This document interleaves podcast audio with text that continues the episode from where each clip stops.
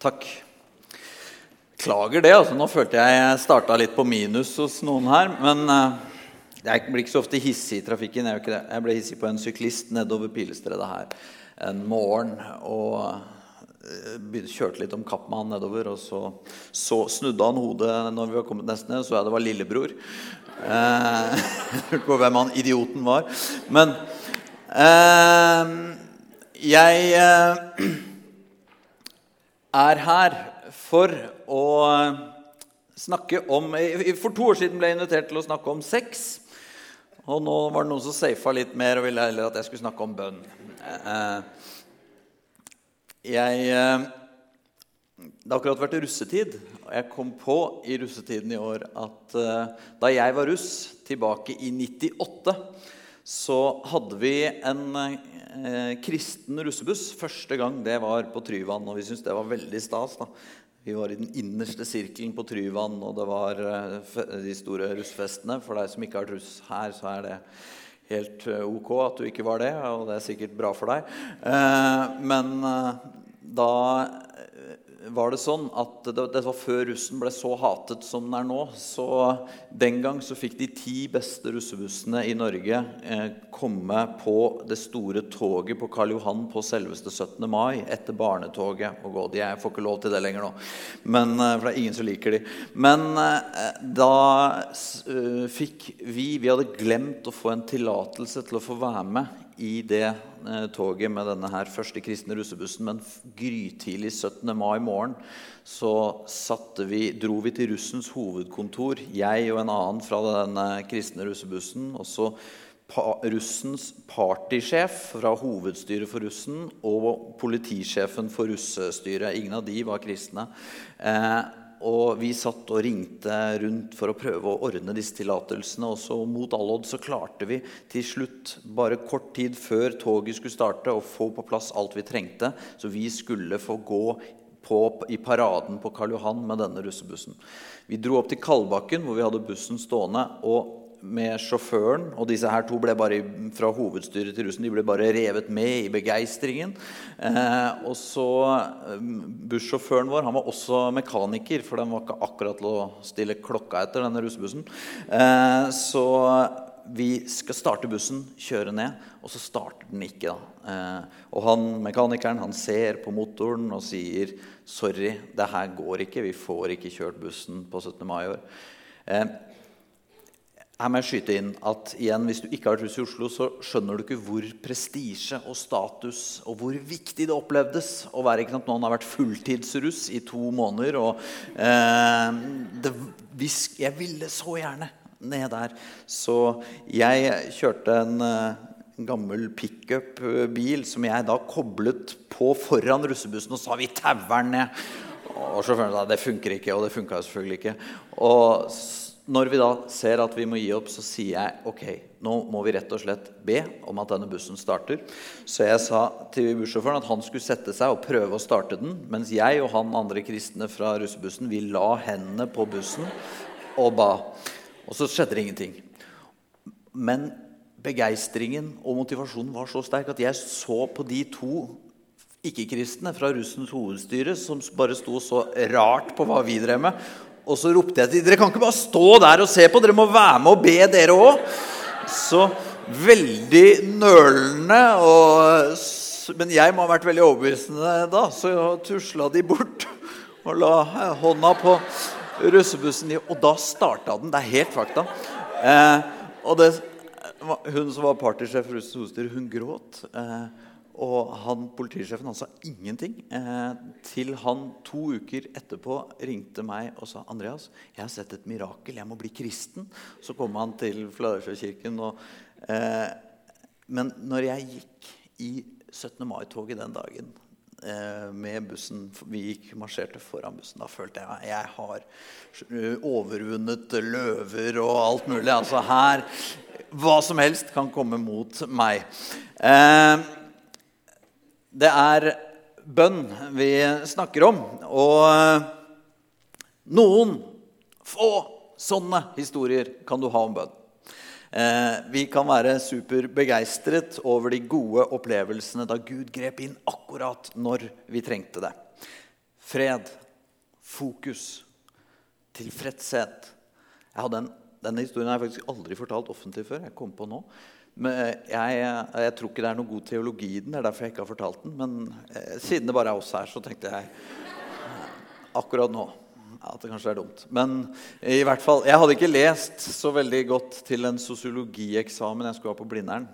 Og jeg går over Fredrikkeplassen på Blindern, og så stopper det en jente foran meg som jeg ikke har sett før eller siden.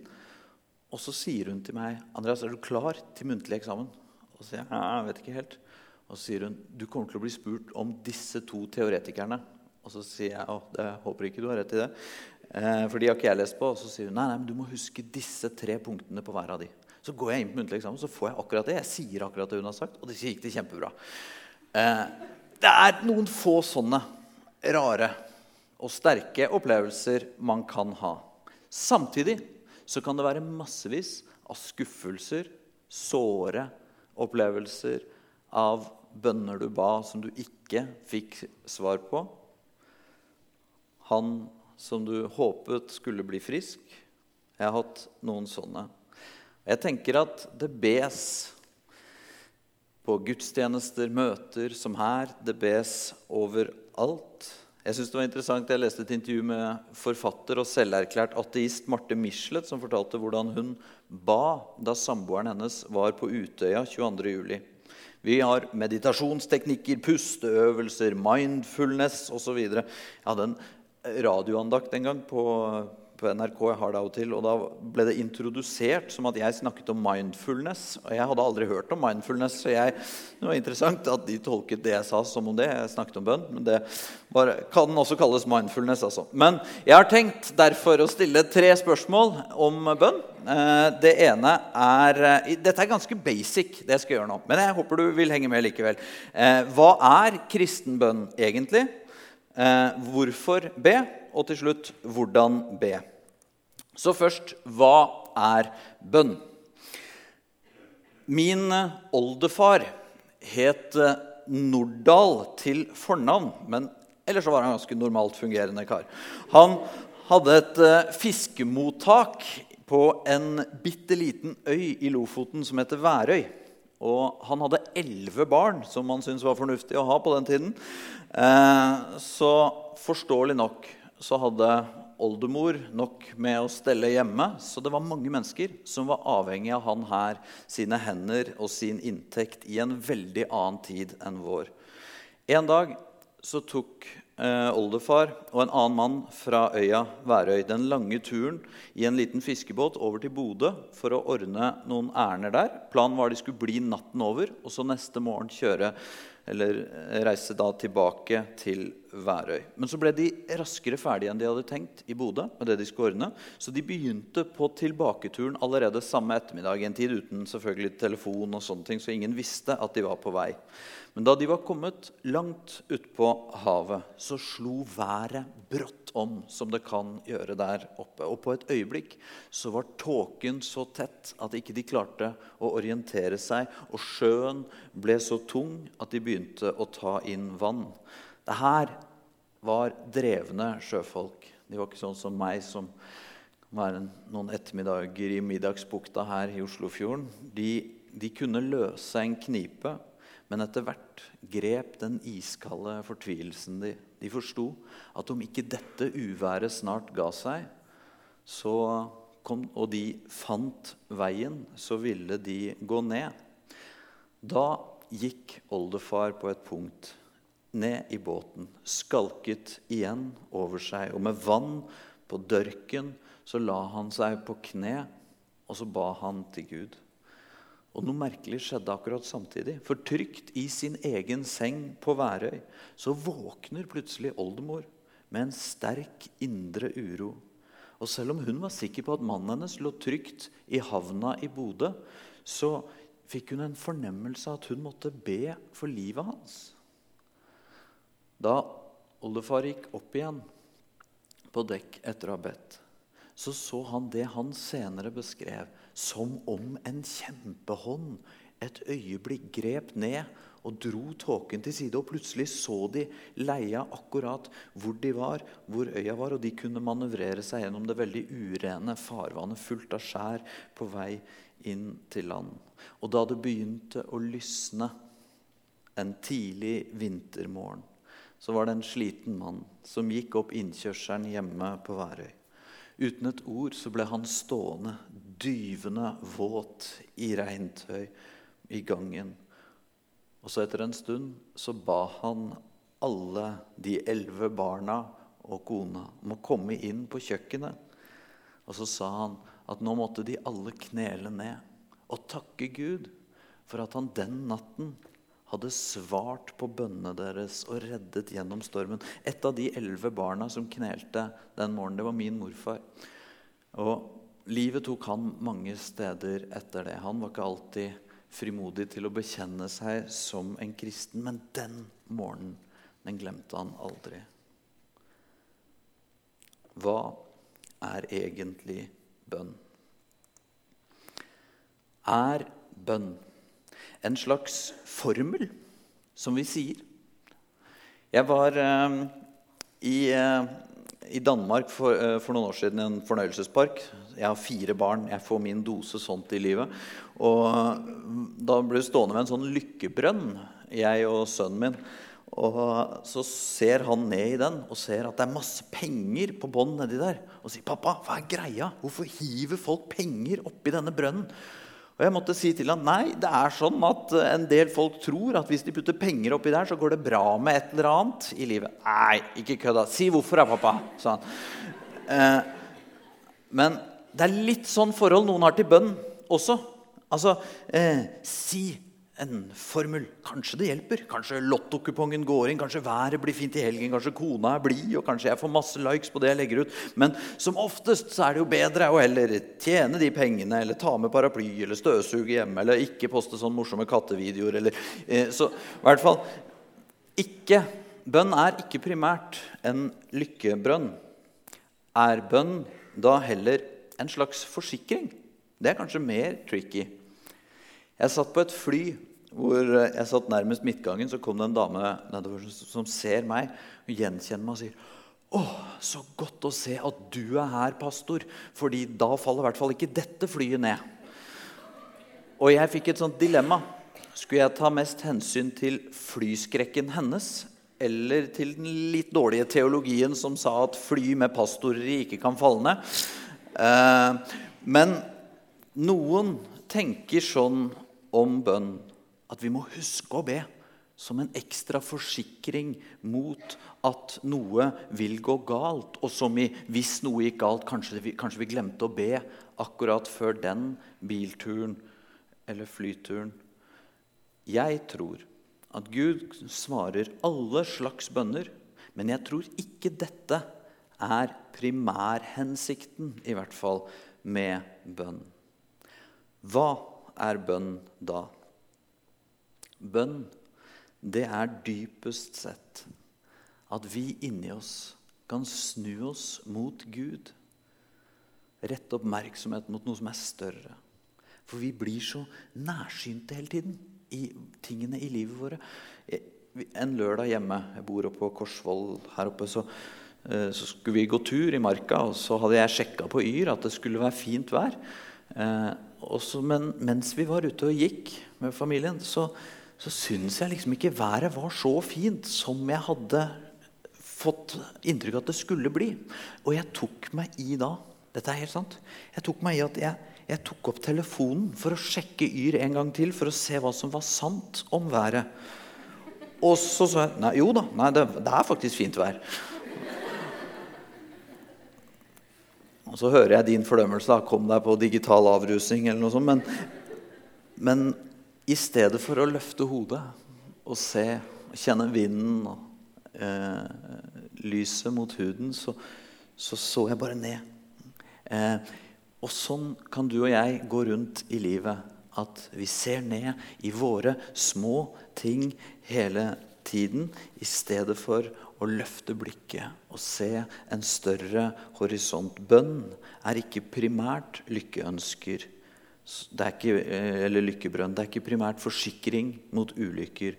Men bønn er primært relasjon med Han som er større enn alt vi møter. Han som holder hele verden og ditt liv i sin hånd, og som en dag vil ta oss hjem til seg. Tre ting om kristen bønn. Kristen bønn er til Gud vår far. De fleste mennesker i verden de holder det jo for sannsynlig at det er en eller annen stor kraft bak alt vi ser. Derfor er det flere som regner seg som agnostikere enn ateister. Man tror det er noe. Og Ser vi nærmere på dimensjonen i universet, så sprenger det alle rammer av hva vi klarer å forestille oss. Har du også sett naturprogram på BBC og så bare blitt sugd inn i hvordan pingviner på Sørpolen står i ring og beskytter eggene sine mot kulden? Eller hvaler, for det er så utrolig fett at det fins sånne ting som hvaler. Mine forfedre i Nord-Norge hadde skutt de hvalene. Men eh, det, er, det er ikke så vanskelig å akseptere at det må være en svær kraft over, bak, før alt. Det radikale og ufattelige er at når Paulus i Det nye testamentet beskriver snakker til Gud, så bruker han det arameiske ordet 'Abba'. Og Han visste jo ikke at det da egentlig er en svensk musikkgruppe med rare klær. For han brukte det til å si 'pappa' til Gud. Han skriver fordi dere er barn, har Gud sendt sin sønns ånd inn i våre hjerter, og ånden roper 'Abba, far'. Derfor er du ikke lenger slave, men sønn. Og er du sønn, er du også arving, innsatt av Gud. Det er fint å være arving. vet du. Alt annet i livet det gjør vi oss fortjent til, bortsett fra noen sånne rare amerikanske filmer hvor det settes sånn merkelige kriterier for å få del i en arv, så er det sånn i virkeligheten så arver du bare for den du er. Ikke for det du gjør. Og når du og jeg ber, så inviteres vi til å nærme oss Gud. Ikke primært som denne ufattelige, svære kraften fjernt der ute, men til Gud som en far. Og Her må jeg jo legge til da, at konseptet far kan hende ikke vekker gode minner hos alle. Men Gud er far, sånn som alle fedre skulle strekke seg mot å være. Og kanskje mer enn noe er Gud far for de som ikke har en jordisk far å være elsket av. Så kristen bønn er til Gud, vår far. Det andre er at kristen bønn er gjennom Jesus. I etterkant av finanskrisen i 2008 så var det en del eiendomsmeglere her i byen som fikk svi fordi de hadde solgt hytter hyttetomter for eksempel, til, eh, og leiligheter på fjellet til kjøpere som de åpenbart burde vite ikke hadde penger til å gjøre opp for seg. Det var en trikkesjåfør på Grønland som kjøpte 20 og 20 hytter i slengen. Kontraktene som var signert, de var ikke verdt noe, fordi den som signerte, hadde ikke midler, myndighet til å gjøre det. Det hadde jo vært noe annet om det var Bill Gates som hadde tatt på seg lusekofte og kjøpt uh, hytter på Hafjell. Altså, det kommer an på hvem som signerer. Og Vi kristne sier jo, som vi har gjort i denne gudstjenesten, i Jesu navn når vi ber. Til å begynne med eller til slutt. Fordi vi får nærme oss Gud, vår Far, gjennom Jesus, Guds sønn. Og du og jeg har ikke noe spesielt å vise til som skulle gi oss rett til å be Gud om noe. Men Jesus har all rett og mulighet. Men det her, og det vil jeg legge til, det er ikke magi. Det er ikke sånn at å, kanskje det var derfor jeg ikke fikk svar. Jeg glemte å si i Jesu navn. Eh, for at bønnen skal funke. Bønn er relasjon, som jeg sa. Jesus sa det selv sånn. Hvis dere blir i meg, og mine ord blir i dere, be da om hva dere vil, og dere skal få det. Det var ikke lite. Vi tar oss ikke her tid til å lese hele dette avsnittet hos Johannes. Men det er et avsnitt hvor han sier at han er et tre, og vi er grener på treet. Og så ber han innstendig bli på dette treet. Bli i meg. Men hvordan gjør vi det, da? Hvis det er sånn vi får svar, så bør vi jo vite det. To ting tenker jeg om det. Bli i fellesskapet som vi har her nå, som tilber Jesus sammen. Guds modell, for det er kirke, menighet, fellesskap. Vi hjelper hverandre. Vi tilber sammen. Det andre er å bli i Jesus gjennom å bli i Bibelen. Guds ord til oss. Og legg merke til, jeg sier det jeg nå skal si lavmælt. Det her, Bibelens mest kraftfulle løfte om bønn, det kommer rett etter en av Bibelens skarpeste advarsler i verset rett før, hvor det står i Johannes 15, vers 6.: Den som ikke blir i meg, blir kastet utenfor som en grein og visner. Så altså vi ber gjennom Jesus. Og vi er grener på hans tre, og da vil vi tenke, og så vil vi ville. Og da vil vi også be etter hans vilje, og vi kan be om hva vi vil. Så vi ber til Gud vår Far, vi ber gjennom Jesus, og så ber vi i Den hellige ånd. Her kan noen ting bli litt mystisk og rart, og det er her kanskje pinsevenn-advarselen du fikk først her, slår inn. Da får du bare holde for ørene og si 'Kjære Jesus' inni deg mens jeg sier det jeg nå skal si. Eh, det er litt rart, men det kan skje også for en god Misjonssalen-person at når vi ber til Gud gjennom Jesus så kan ordene våre noen ganger nesten tørke inn. Vi vet ikke helt hva vi skal be for å be rett. Paulus beskriver dette her sånn. På samme måte kommer også Ånden oss til hjelp i vår svakhet. For vi vet ikke hva vi skal be om for å be rett. Men Ånden selv går i forbønn for oss med sukk som ikke kan uttrykkes i ord. Som kristen så har du og jeg Guds ånd i oss. Og altså Den hellige ånd. Denne siden ved Gud som stadig, hele tiden er i kontakt med Gud. I den forstand så er bønn bare det å bli bevisst eller å koble seg på en strøm, en tone, som er i oss hele tiden. Fordi vi har kontakten med Gud gjennom at Guds ånd bor i oss. Og det her det er en synes jeg, en veldig sånn vakker, konkret side ved det å be. Vi presterer ikke. Det er ikke noe vi må huske, vi må få til, vi må tvinge fram. Vi kobler oss på noe som er i oss. Det er som sukk som ikke kan uttrykkes i ord.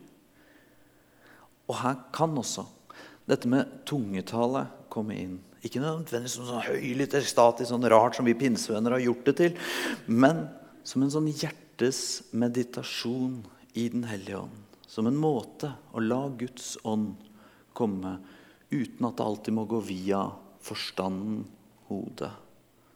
Ok, nå kan du koble på igjen. Eh, til vårt første spørsmål hva bønn er, så er mitt forslag at bønn dypest sett er relasjon. Og det er til Gud vår Far, det er gjennom Jesus, og det er i Den hellige ånd. Ok? Hvorfor skal vi så be? Egentlig. Hvis du forholder deg til bønn sånn som jeg begynte med å si, som en sånn lykkebrønn, eller som en sånn forsikringsgreie, hva er da egentlig vitsen? Gud vet jo alt. Hvorfor skal vi drive og fortelle Gud om alt vi trenger, og drive og mase på Han? Skuespiller Atle Antonsen beskrev en gang hvordan han kom hjem etter en kveld på byen med venner, la seg i senga, og når han lå der, så hørte han sin egen stemme gjalle i hodet, og han tenkte i kveld har du ikke lytta mye, Atle. Eh, og jeg har vært gift i over 17 år etter noen hyggelige og noen glemte bryllupsdager i år fikk jeg en sånn melding utpå kvelden. 'Gratulerer med bryllupsdagen.' Det var ikke ment som sånn gratulerer, det var et stikk. Eh, men det, det, er ikke oppskriften på en romantisk kveld hvis jeg bare sitter og forteller Veronica alt jeg vil ha, vil skal være annerledes eller ønsker meg mer av. Altså, men litt sånn nærmer jo vi oss Gud. Av og til 'Kjære Gud, gi meg ny bil, bedre kondis, penere kjæreste'. Men dersom bønn ikke primært er å ramse opp behov, men å stille inn vårt sinn mot Gud, vårt indre menneske. Ola Hallesby skrev en gang å be er å lukke Jesus inn. Gud, du er Gud, ikke jeg. Gud, du er stor uten feil. Hjelp meg å følge deg. Hjelp meg å ligne deg. Bønn forandrer oss som ber. Det bygger vårt indre menneske. Og når det er sagt, bønn forandrer også verden. Når vi ber for misjonærene, som vi akkurat gjorde. Jesus oppfordrer oss, oppfordrer oss til å be, og over tid er det min erfaring at de fleste kristne opplever at Gud svarer bønnen. En periode så var vi noen kamerater som møttes, ba sammen, og så skrev vi ned bønneemnene vi ba for. Og det var fascinerende å gå tilbake ett og to år senere og se hvilke ting som faktisk var forandret. Jeg husker hun som vi ba for, som var destruktiv mot seg selv, Å se at det hadde blitt annerledes over tid. Det er morsomt, det er trosstyrkende å se at Gud hører bønn. Men svarer Gud alltid bønn? Ruth Graham, kona til den nå veldig gamle eh, Billy Graham, verdens mest kjente predikant, hun talte til en forsamling i Minneapolis og sa Gud har ikke alltid svart mine bønner. Hadde han gjort det, hadde jeg vært gift med feil mann flere ganger. Og jeg er enig med Ruth Graham. Jeg hadde kanskje ikke vært gift med feil mann, men jeg har et sterkt Jeg har hatt ting som jeg sterkt og inderlig har ønsket, som jeg i ettertid ser at var det beste at ikke skjedde. Gud svarer ikke alltid våre bønner om å gripe inn i vår virkelighet. Fordi det ikke alltid vil være det beste for oss eller omgivelsene våre over tid. En av Jesu venner, Johannes, skrev det sånn. Og denne frimodige tillit har vi til Han, at Han hører oss når vi ber om noe som er etter Hans vilje. Men, og jeg hører ditt men, det er også en side i dette som er et mysterium. Gud har ikke gitt oss en blankofullmakt til å oppheve naturlover etter vårt eget forgodtbefinnende. Sagt på en annen måte gi oss mulighet til å unnslippe livet selv. Altså et banalt eksempel som stiller meg i ytterligere dårlig lys etter denne innledningen dere fikk. Når jeg har omgangssyke og i dyp, oppriktig selvmedlidenhet sitter på badegulvet hjemme, og tankene kretser rundt spørsmål som Hvorfor er jeg født? Er det virkelig verdt det? Skulle jeg bare leve noen få år og så spy og dø? Da kan det jo hende at Gud tenker at han er bortskjemte pastoren der. Han kan lære et og annet av å gå gjennom det her. A true story. Eh, men det fins sykdommer som er veldig, veldig mye verre enn omgangssyke. Det finnes mennesker som lider i ufattelig meningsløse lidelser. Jeg har sett gode venner av meg som jeg så inderlig har bedt for, dø av kreft. Jeg tror jo at Gud noen ganger griper inn, forandrer situasjonen og gjør frisk. Og så har jeg samtidig sett noe jeg etter hvert syns er nesten like imponerende.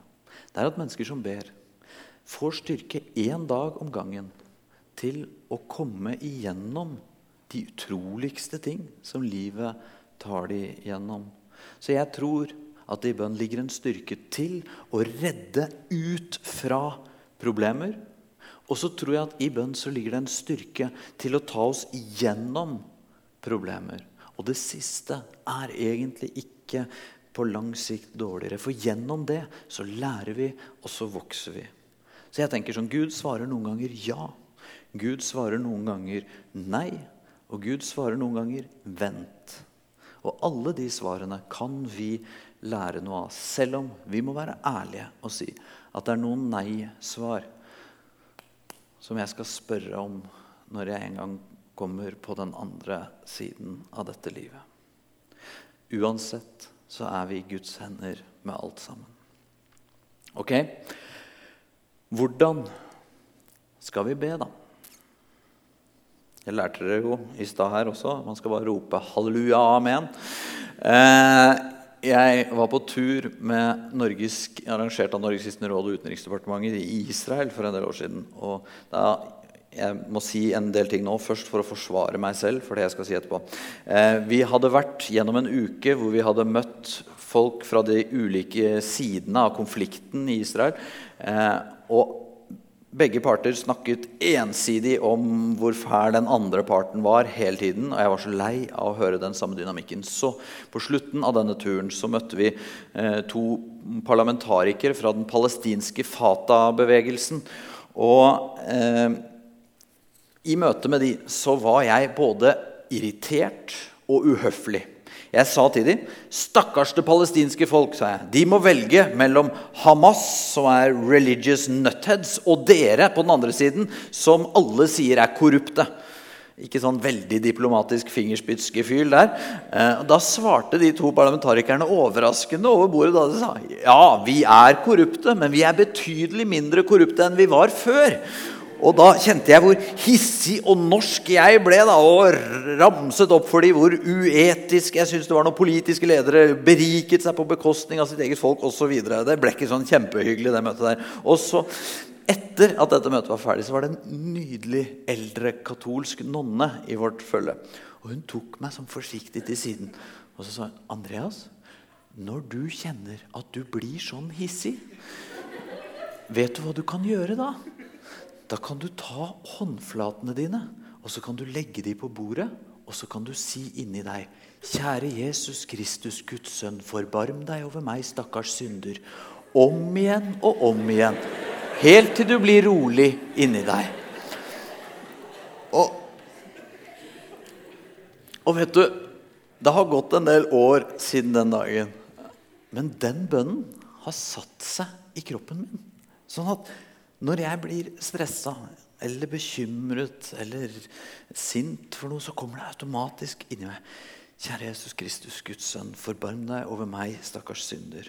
Jeg tror ikke på magiske ord eller formler, men jeg tror på at det å be det kan sette seg i kroppen vår, bli en refleks, en vei vi snur oss. Jeg snur meg oppover.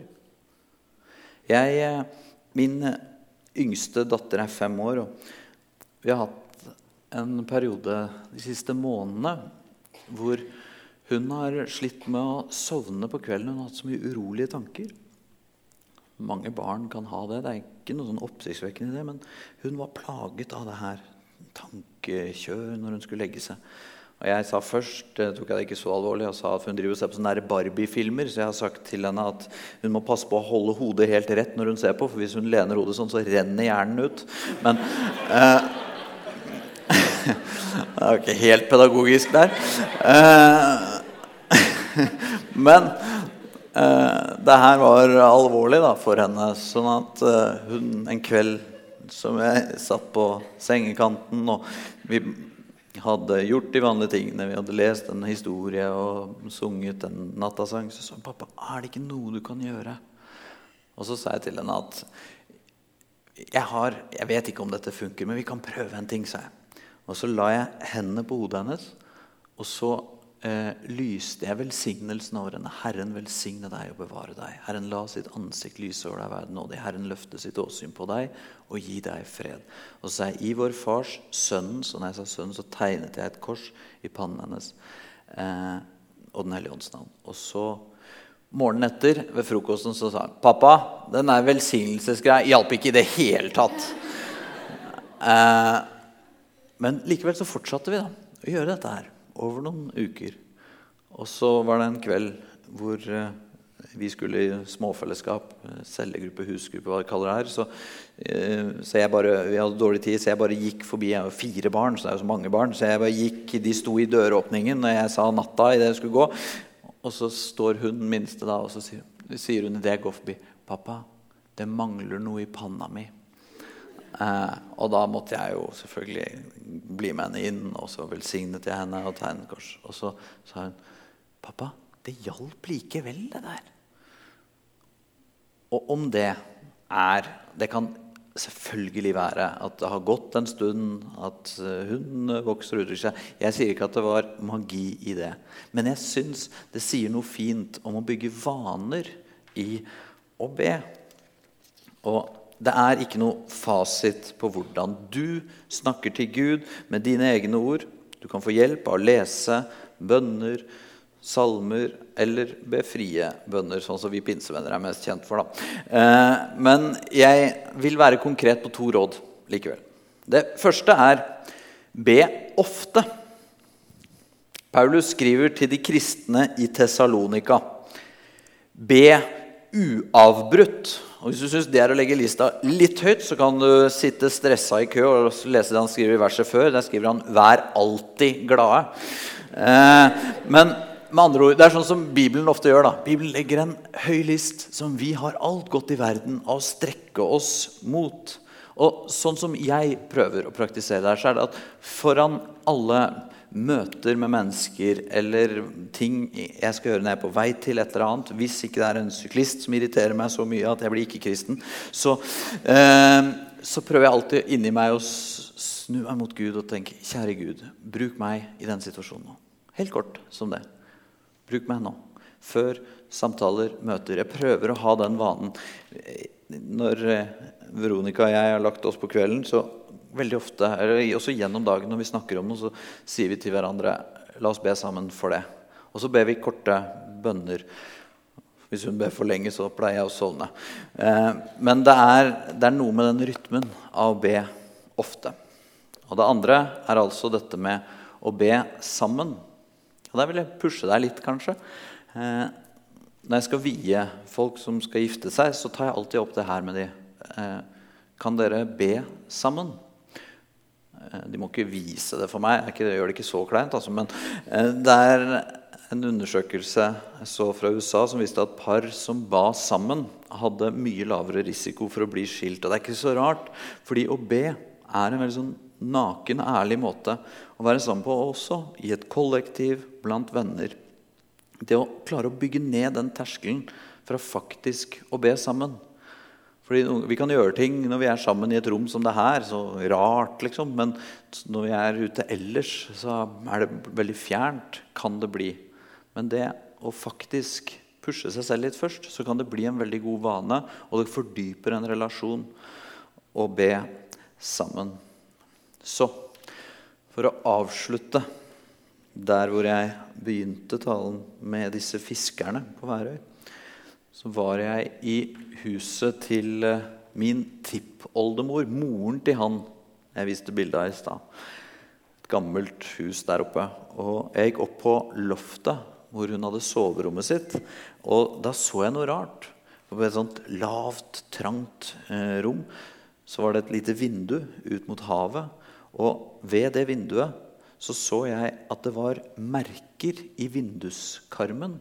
Skrapemerker og merker på gulvet nedenfor. Og Så spurte jeg mormor om det, så sa hun at det der det var tippoldemors faste plass bestandig. Så var hun liggende på kne ved det vinduet i bønn til Gud, men også speidende i angst ut mot havet om fiskerne kom trygt tilbake igjen. Og så tenkte jeg da jeg sto der, at litt sånn lever vi alle livet vårt forhåpentligvis på kne i bønn til Gud, men også urolig speidende etter hva som skjer rundt oss. Og i det spennet der så kan vi være ærlige om at det er sånn livet ser ut. Og det kan bli både skrapemerker etter det vi er redd for og bekymret over, men det kan også bli merker etter knær som ber. Så til slutt Vi er i et fellesskap nå hvor vi hjelper hverandre. Men kona mi jobber i Nav-systemet. Eh, og der er det jo all slags mennesker innom. En dag var det der en veldig hissig mann som ikke hadde opplevd å bli møtt med det han ville ha. Som kommer ut av et kontor og brøler sin frustrasjon ut til alle. Er det bare meg her som har ansvar for meg? Og da kom det tørt fra et kontor lenger ned i gangen. Ja. Eh, Og det er noe sant i det at du har dypest sett ansvar for ditt liv i dette. Vi hjelper hverandre. Vi står sammen. Du trenger ikke å klare, du trenger ikke å bære, fordi vi tror sammen. Men koble deg på og be. Og bygg noen gode vaner rundt det. Be ofte og be sammen. Fordi vi følger Gud, og vi er i gode hender med det. Nå skal vi straks feire nattverd, men jeg vil be en bønn sammen. Far i himmelen, takk for at du ser våre liv. Du ser det vi er opptatt av, du ser det som spinner i hodene våre. Det vi er bekymret for, gruer oss til, det vi gleder oss til og strekker oss mot. Um, la oss få leve, bli i deg, Jesus Kristus, med alt sammen. Må du bygge, styrke vårt indre menneske.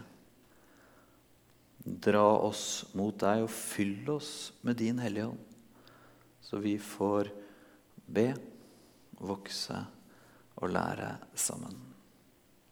I ditt veldig sterke navn ber vi, Jesus Kristus. Amen.